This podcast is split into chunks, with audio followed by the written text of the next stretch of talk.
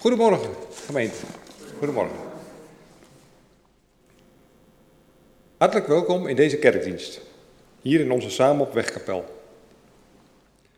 Ook welkom aan de gasten in ons midden, als die er zijn. Misschien vakantiemensen die hier uh, vakantie vieren.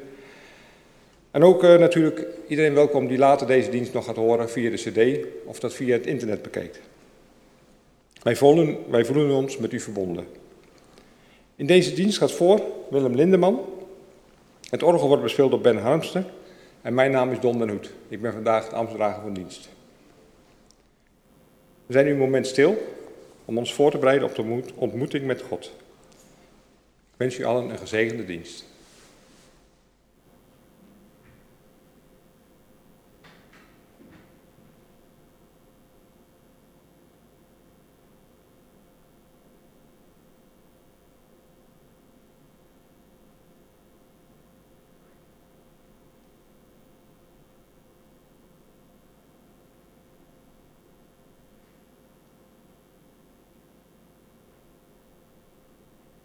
Dan vraag ik u zo mogelijk te gaan staan voor ons openingslied.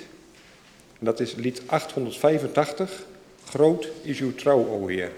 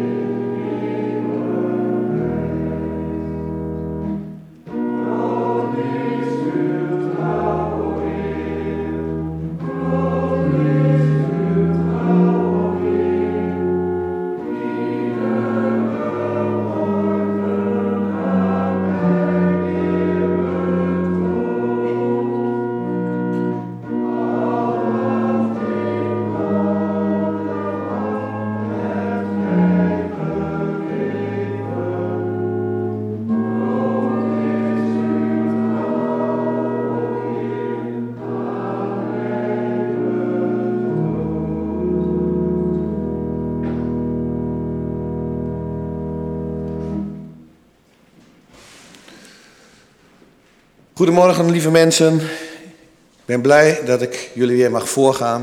Ik ben net gisteren teruggekomen van vakantie, twee weken vakantie in Drenthe.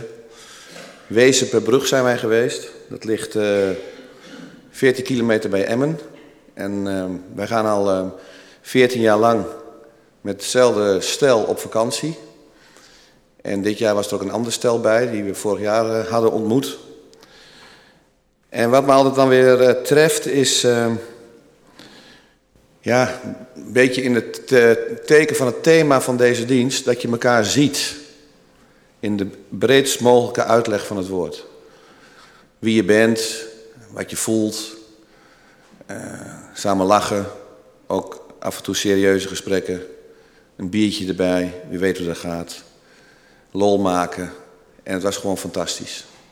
Hond erbij, alleen Borretje, grote herder van mij, die werd op een gegeven moment een beetje te enthousiast.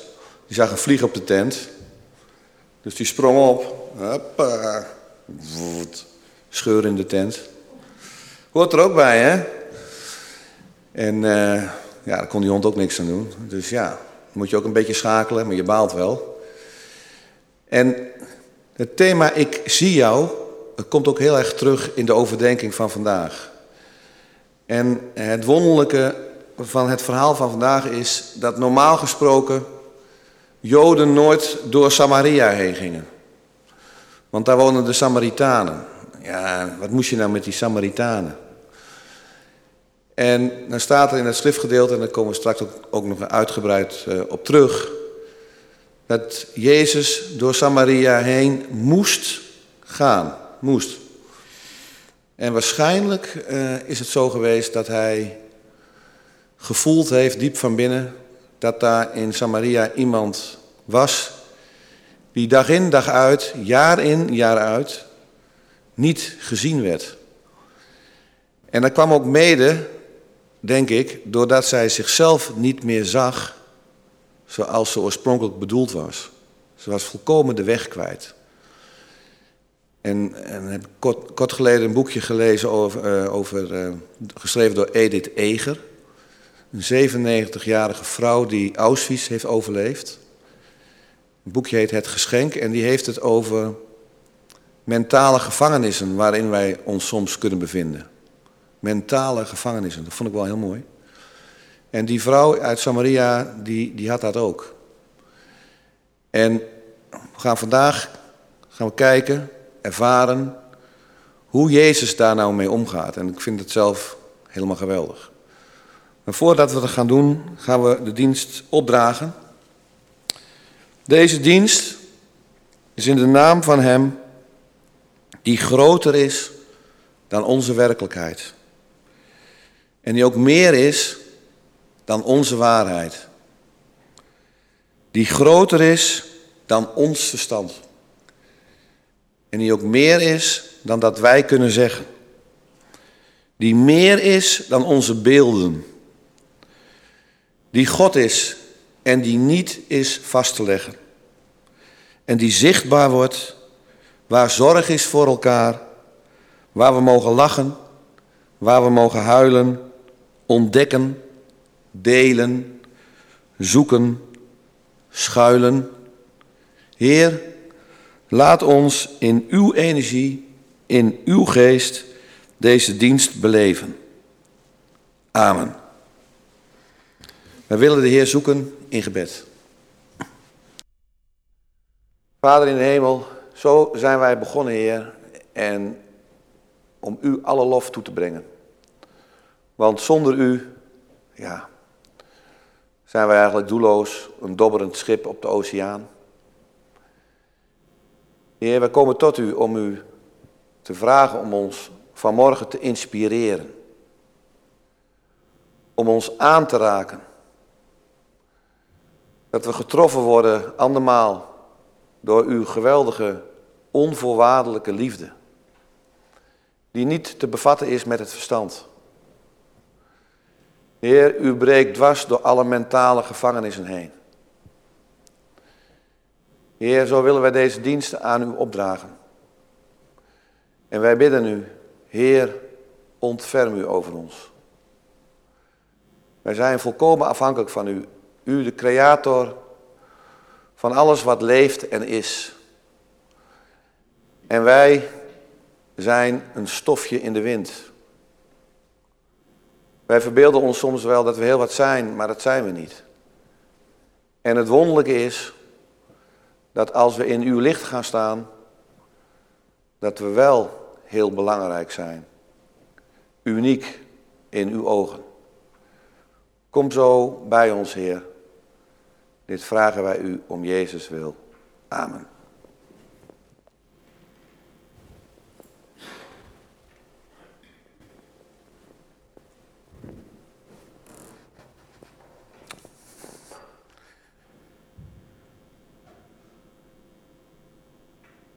De,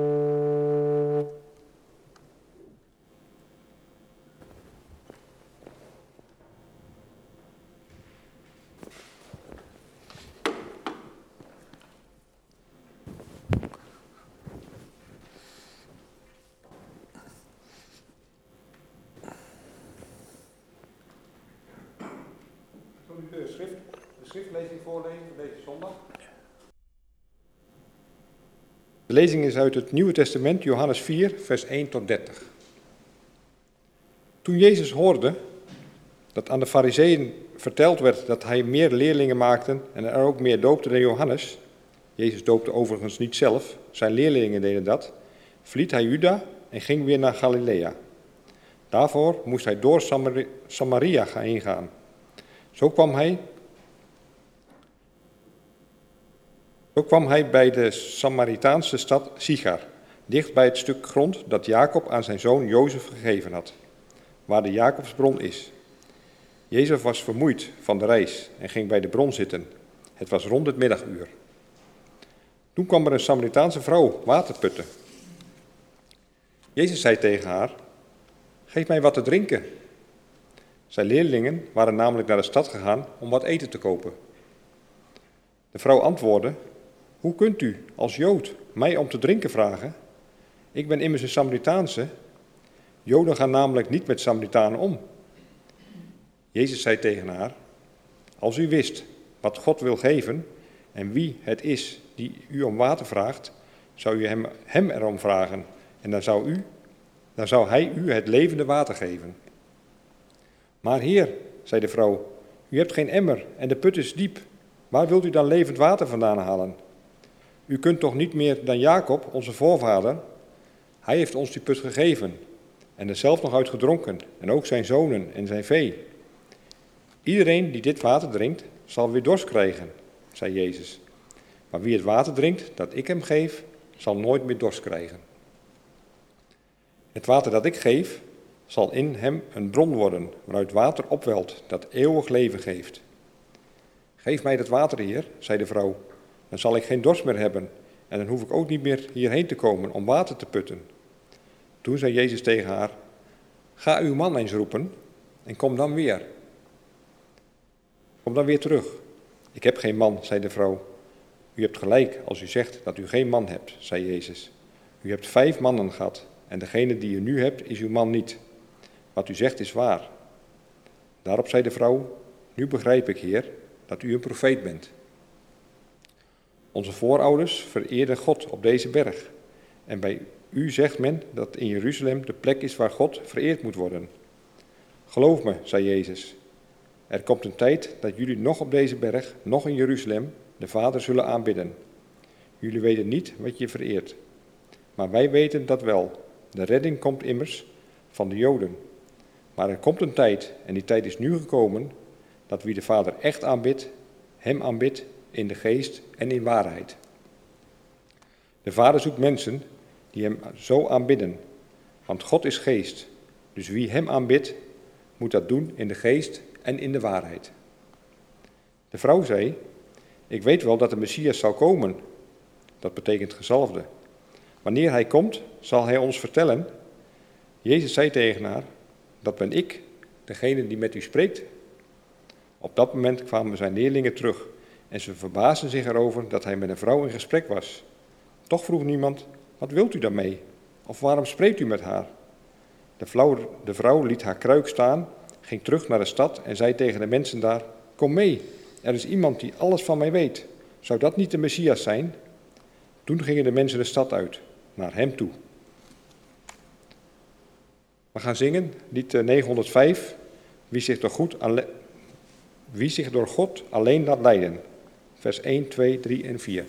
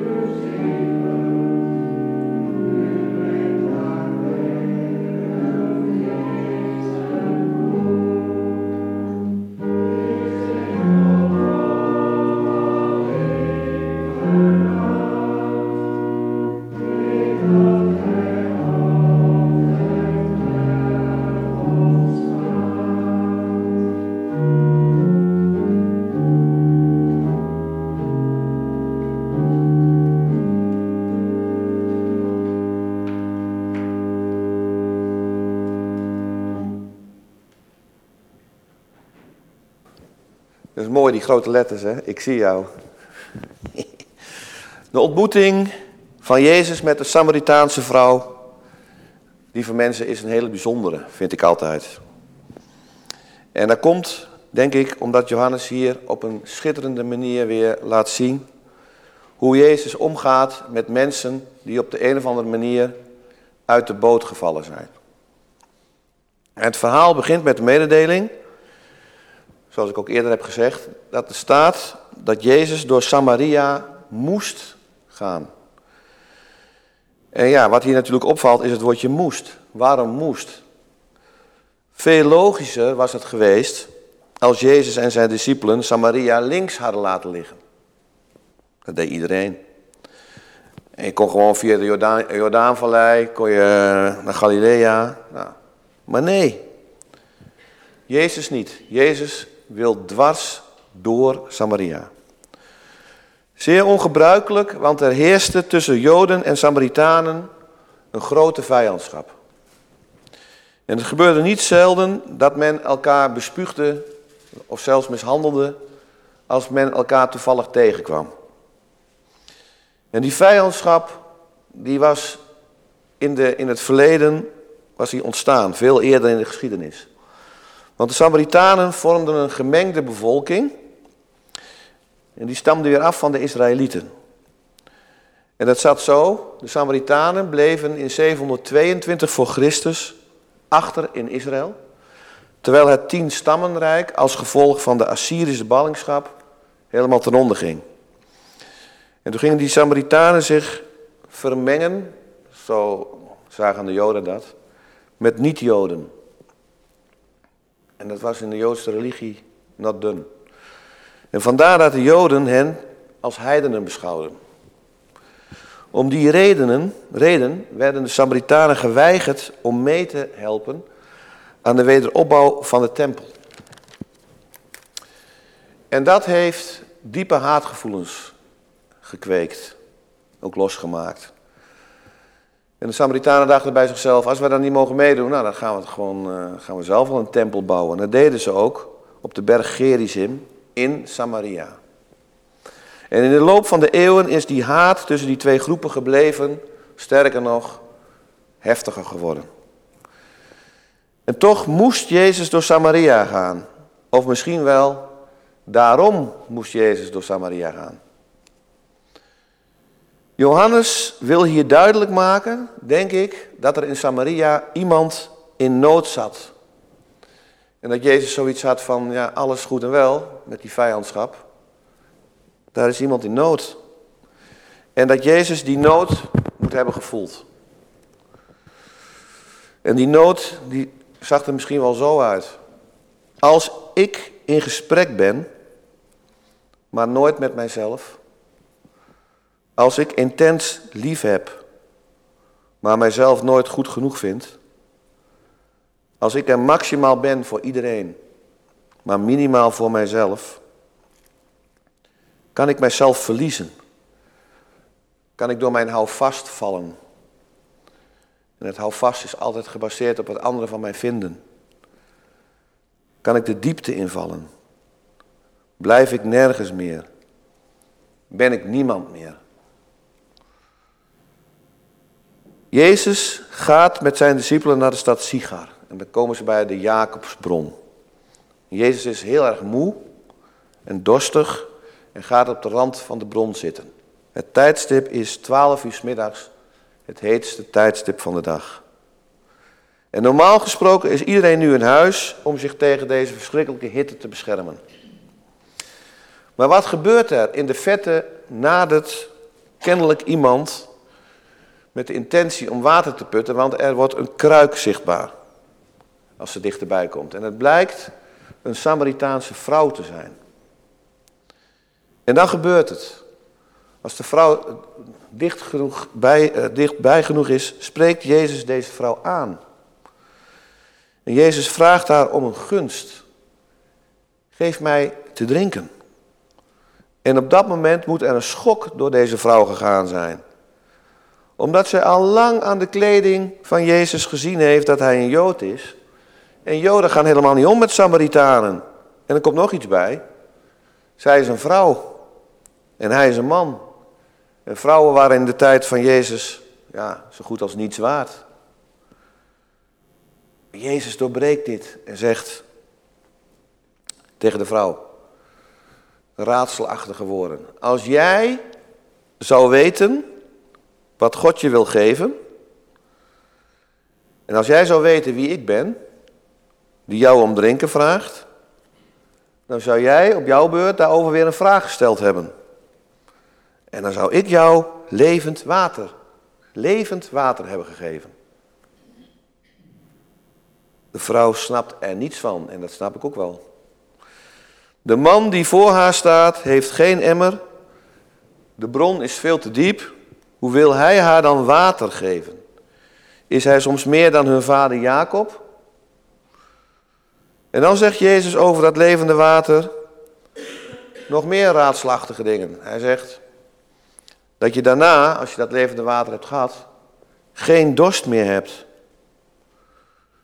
En met geen dorst bedoelt Jezus mijns inziens niet dat je nooit meer verlangens hebt of negatieve gevoelens of nooit meer vragen hebt over allerlei existentiële zaken. Maar Jezus bedoelt hier dat hij, denk ik, dat hij een bron wil zijn van waaruit men kan putten als het gaat om vragen als waarom ben ik hier op aarde? Wat is eigenlijk de zin van mijn bestaan? Wat maakt nu mijn leven zinvol? Wat maakt nou dat ik uiteindelijk, niet, dat ik uiteindelijk meer ben dan een stofje in de wind? Of een druppel op een gloeiende plaat?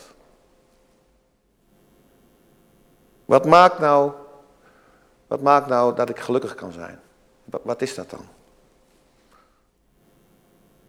De zon in het hart van de Samaritaanse vrouw is vertroebeld door een nevel van onzekerheid, door een sluier van angst, een diepte van wantrouwen. Zo vaak heeft ze de vingers gebrand aan goede bedoelingen. En heeft ze gedacht, ik zie schijn, maar ik mis de warmte door de kilheid van mijn gedachten. Maar nou zie ik deze man, nou voel ik deze man die tegenover mij zit, die daar op die rand van die bron zit. En dan breekt de liefde mijn hart, merk ik. En dat wil ik eigenlijk helemaal niet. Dat vind ik eng. En zijn zon ontmoet de mijne. En het lijkt wel of alles in een ander licht komt te staan. Wat moet ik hiermee? Zijn woorden snap ik niet, maar zijn liefde, zijn warmte, het feit dat hij mij ziet, dat voel ik heel erg. En dan gaat Jezus weer door. Hij zegt vervolgens tegen de vrouw dat dat levende water niet bewegingsloos in je zit, maar bruist als een fontein, zegt hij, ten eeuwige leven. Eén en al power, dynamiek, kracht. Een inspiratiebron, een bron van dynamische levenskracht. De vrouw begrijpt het nog steeds niet. En ze denkt, als ik dat water krijg, hoef ik nooit meer naar deze put. Jezus voelt het ook weer haarscherp aan. En daarom besluit hij om het wat concreet, eh, om de symboliek zeg maar te verlaten, om heel concreet de vrouw aan te spreken. En dan vraagt Jezus of de vrouw haar man wil ophalen. En dan zie je, heel mooi vind ik dat, uh, dat die vrouw uh, de vraag nog probeert te ontwijken. Door Jezus te vertellen dat ze geen man heeft. Ze is geschrokken van deze vraag. En ze, ze wordt, wordt tot, tot in het diepste van haar bestaan geraakt. Hoe kan het dat die man gewoon dwars door haar heen kijkt? Jezus gaat nog verder. Jezus maakt haar duidelijk dat ze terecht zegt dat ze geen man heeft. En dan zegt hij, jij hebt vijf mannen gehad en de man met wie je nu een verhouding hebt, is van een ander. En nou blijkt in het verhaal dat de vrouw grote problemen heeft als het gaat om het hebben en aangaan van relaties. Telkens is het weer mislukt en staat ze er weer alleen voor. Bovendien wordt ze door de bevolking, dat, dat ze die, die struggle heeft, met de nek aangekeken. En de mensen die praten met elkaar en zeggen, met zo'n hoer weet toch niks te maken hebben. Wat een loser is dat zeg. Het is een soort uitgestotene geworden. Het is iemand geworden die doodgezwegen wordt. Het is iemand geworden die keihard veroordeeld wordt. En veroordeeld is tot volledige eenzaamheid. Al heel lang. En nu wordt ook duidelijk waarom ze om twaalf uur s middags al naar de bron is gegaan. Namelijk om elk pijnlijk contact te vermijden. Maar in de ogen van deze man voelt de Samaritaanse vrouw ongelooflijke, onbegrijpelijke, onvatbare liefde om er voor haar te zijn. En ze denkt, hoe kan dat nou? Ben ik echt iemand om zo van te houden? Kijken wat, ik, wat voor potje ik ervan heb gemaakt. Jezus is daar om haar te bevrijden van haar mentale gevangenissen. En dit ter inspiratie van het boek wat ik eerder heb genoemd van Edith Eger. Zoals haar mentale gevangenis van schuld. Dat ze denkt, het is allemaal mijn schuld dat mijn leven is zoals het is. Wat ik heb gezaaid, zal ik oogsten. Dat fatalistische. Dat, dat. Ik ben het daarom niet waard om een ander leven te leiden. Dit is wat ik ervan terecht heb gebracht. Dan de mentale gevangenis van verwaarlozing. De vrouw kan blijkbaar niet alleen zijn. En in plaats van dat ze bezig gaat om zichzelf te accepteren, te aanvaarden en ook zichzelf te zien. Ik zie jou, dus zichzelf te zien als een parel. Zoekt ze steeds haar heil weer in de genegenheid en goedkeuring van een ander, geestelijk en lichamelijk. Ze heeft dat nodig, anders heeft ze het gevoel dat ze helemaal kapot gaat. En ze is heel erg bang om te worden verlaten. Ze is voortdurend op zoek naar aandacht, naar genegenheid, naar goedkeuring van de ander. En dat is een doodlopende weg. En dan zegt Edith Eger in haar boekje. Want de enige die haar haar hele leven lang bij zich heeft, dat is ze zelf. En dan heb je nog de mentale gevangenis van verlammende angst. Zinnen als, ik, ik kan dat toch niet. Of ik ben dat niet waard. Of dat je zegt van, ik probeer. Of ik moet. En dat je steeds weer beren op de weg ziet. Stel dat. En bij mislukking, zie je wel. Er zijn steeds terugkerende houdingen in haar leven. En dan misschien wel de moeilijkste, als ik dat op mezelf uh, betrek, dat is de mentale gevangenis van het niet kunnen of willen vergeven van wat een ander je heeft aangedaan. Zij is zo vaak bedonderd, en nu bedondert ze zelf de zaak, maar zij is zelf ook heel vaak bedonderd. En dan zegt Edith Eger, het is niet wat uit ons lichaam komt wat ziek maakt, zegt ze, maar wat er in ons lichaam blijft zitten.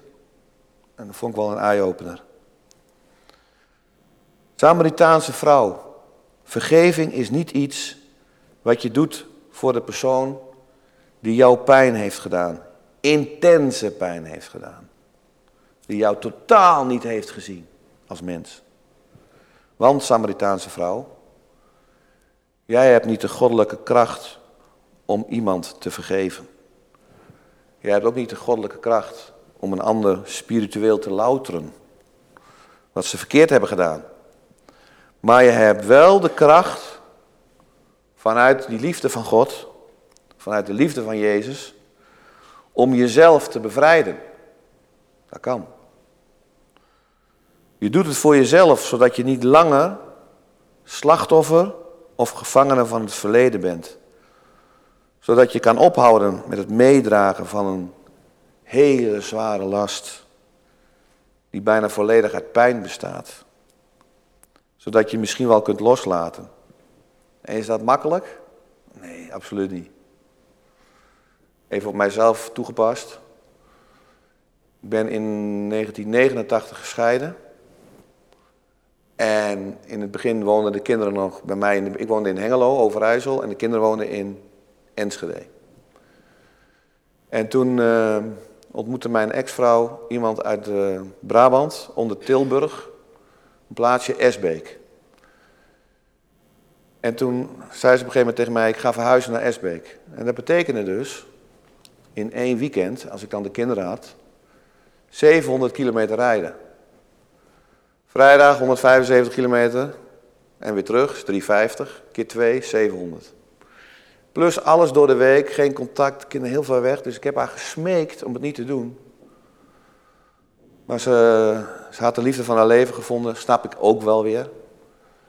En het heeft zulke grote gevolgen gehad. En dat is al heel lang geleden. Maar ik heb af en toe, als er dan weer zo'n feestje daar is, en, uh, of de kleinkinderen gaan dan weer wat vaker naar, naar, uh, naar haar toe, naar oma, dan, dan naar mij, dan heb ik af en toe betrap ik mij op gevoelens van pijn en, en boosheid.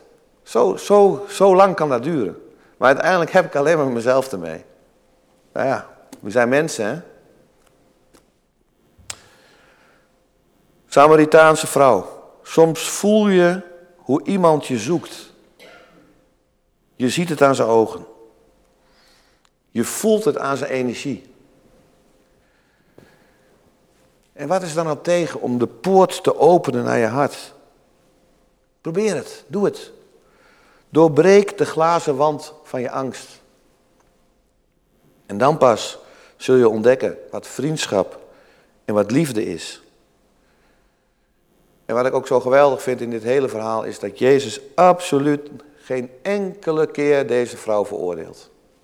Met het vingertje of een moralistische opmerking. Totaal niets. Zijn onvoorwaardelijke liefde gaat naar haar uit, raakt haar aan. En de Samaritaanse vrouw, wat is daarvan het gevolg?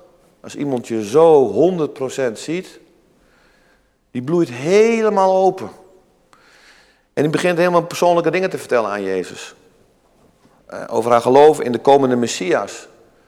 En dan zegt Jezus tegen haar, ja, maar dat ben ik. Boom. Ziet u de reactie van de vrouw voor u? Het puzzelstukje valt op zijn plaats. Ze rent weg, het water is helemaal niet meer belangrijk. Ze laat die kruik achter. En die teruggekeerde discipelen, die snappen er niets van. Want ze denken, hoe kan dat nou? Dat, je zit op een heel ander level. En die denken, oh, Jezus praat met een vrouw, dat kan toch niet? Maar ze zwijgen, wijs. En de vrouw is met hulp van Jezus volkomen uit haar isolement bevrijd. En ze vertelt in geuren en kleuren, als een stromende fontein, wat haar is overkomen. Ze is een nieuw mens geworden. Wat een onbelangrijke ontmoeting leek, krijgt een geweldige uitwerking. Want het blijft hier niet bij, want er staat in het verhaal ook nog verderop dat vele Samaritanen tot geloof in Jezus komen. Want de blokkades zijn weg. De liefde stroomt. De liefde verbindt. En diep gewortelde vijandschap wordt op die plaats en in die gemeenschap overwonnen. Het kan dus wel. En is, is dat het ook niet wat onze wereld op dit moment zo heel hard nodig heeft? Maar het verhaal van vanmorgen roept ons ook op, of roept ons op, om mensen die om welke reden dan ook in een verstikkende of uitzichtloze situatie te zitten, zitten te helpen. En dat zie je niet altijd aan de buitenkant. Want de een is extra vet, die gooit alles eruit, maar er zijn ook mensen die introvert zijn. De een geeft tussenstanden door, ik ben er ook zo een. Maar mijn vriendin die geeft alleen maar eindstanden door. Dus dan moet je af en toe vragen van hoe is het en dit en dat, en zo. Wij mensen zijn verschillend, gelukkig maar. Maar we kunnen er voor elkaar zijn. En zo kunnen we voor elkaar een soort thuis zijn. Als wij luisteren naar elkaar. Dat is heel belangrijk. En als we er ook mogen zijn, zoals wij zijn. Als verdriet en spanning, die je ook voelt dan op een gegeven moment, als dat ook gewoon bespreekbaar gemaakt wordt. En, en dan gaat dat ook weg. Dan komt dat, dan komt dat in een andere energie. Dat is, dat is geweldig. Als het gewoon naar elkaar toe erkent. Als kwetsbaarheid ook ruimte krijgt. En dan kan het met een gebaar of een woord of een begrip. En dan kan er al een soort thuis gecreëerd worden. Thuis is gewoon, hè, zoals wij hier zitten in de gemeente, mensen die elkaar verstaan, die elkaar steunen. En soms is thuis ook, en rationeel kan ik dat totaal niet uh, verklaren of begrijpen, maar ik heb dat gevoel wel, heimwee, heim is thuis, wee is pijn, huispijn. Dus heimwee naar een soort diep verlangen om eens een thuis om je heen te zullen vinden, waar geen verdriet, geen pijn, geen eenzaamheid, komt nog meer, geen vijandschap en geen vervreemding meer zal zijn. En ook vooral ook geen afscheid. Ik heb zo'n hekel aan afscheid. Vooral als iets heel mooi is en puur, dat dat dan weer voorbij gaat. God, geef ons de kracht om daarop te vertrouwen. Dat u, als wij daar zo mee bezig zijn, in de verbinding met u, dat u ons daarin altijd draagt en kracht geeft. En om daaraan in uw liefde te blijven werken. Amen.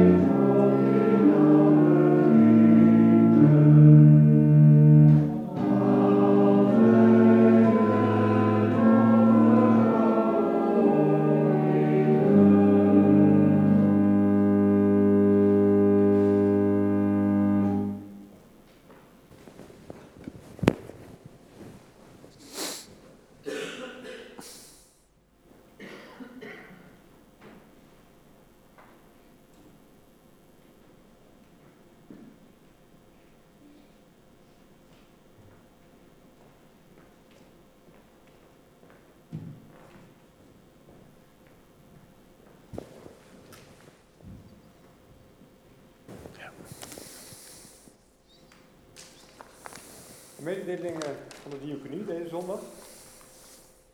Wat doen we hiervoor in de kerk?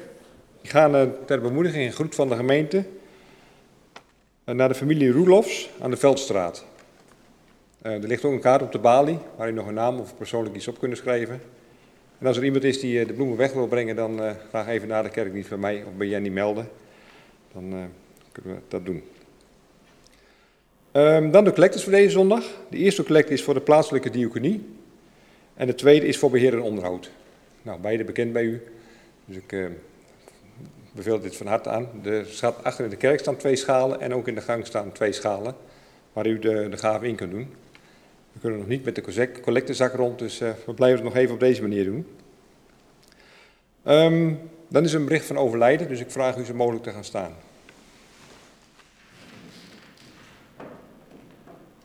Op 1 augustus is op 80-jarige leeftijd mevrouw Berendje Leenders Koolmees overleden. Ze woonde aan de Van Go Gooienstraat en ze was echtgenote van de heer Leenders. We zullen samen zingen, niemand leeft voor zichzelf en niemand sterft voor zichzelf.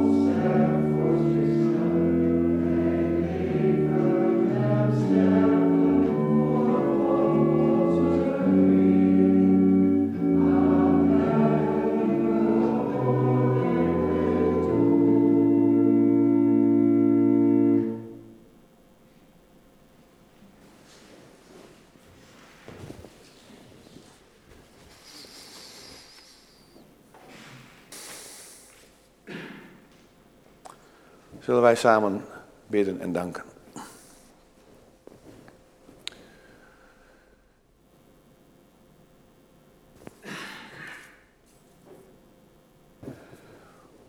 Heer, wij komen tot u.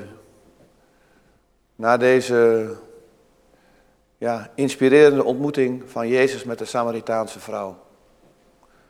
Waarin hij haar bevrijdt, Heer, van haar mentale gevangenissen. En die mentale gevangenissen die komen ons allemaal heel erg bekend voor. Want wij zijn mensen. En wij bidden u, Heer, help ons om met uw kracht daar op een goede manier mee om te gaan. En dat we elkaar ook daarbij helpen. Dat wij elkaar zien zoals we zijn. Dat alles er ook mag zijn. Ook de dingen waar we moeite mee hebben. Kortom, dat er kwetsbaarheid mag zijn. Heer, wij bidden u niet alleen voor onszelf, maar ook voor anderen. Wij bidden u voor Johannes Fredericus Leendes, die zijn vrouw Berendje Leendes Koolmees heeft moeten loslaten. Wees met uw onmetelijke trouw ook bij hem, of door anderen ook bij hem. Wij bidden u voor onze wereld, die letterlijk en figuurlijk in brand staat.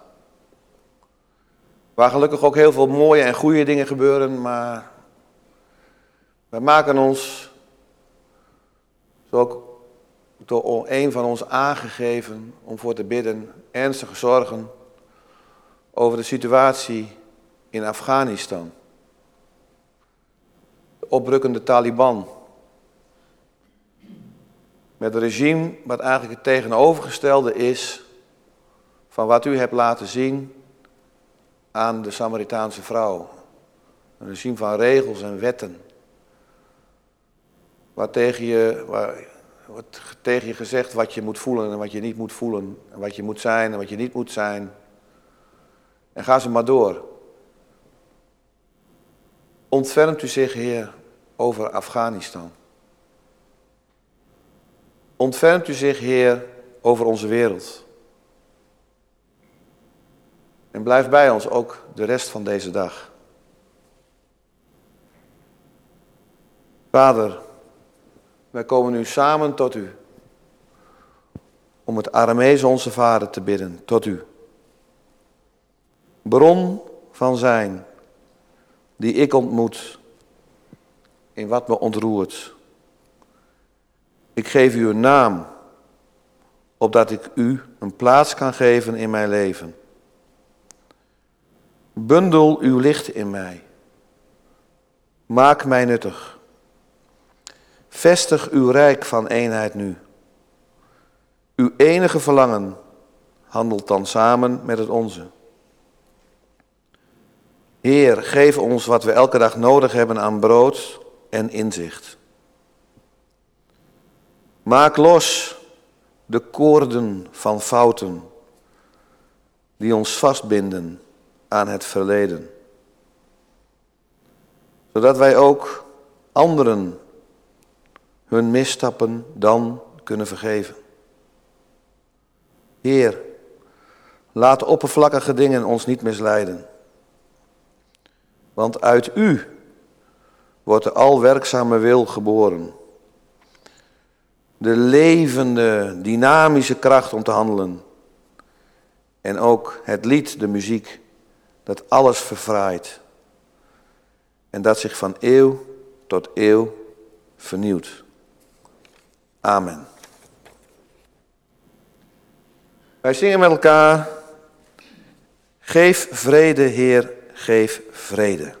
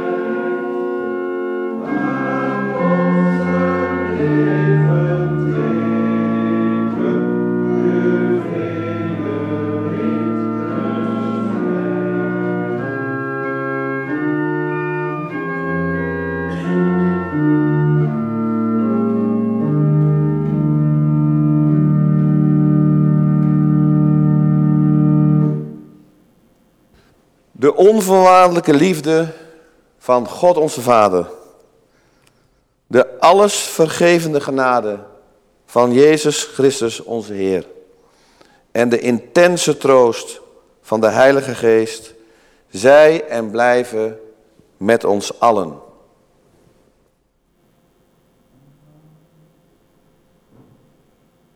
Amen.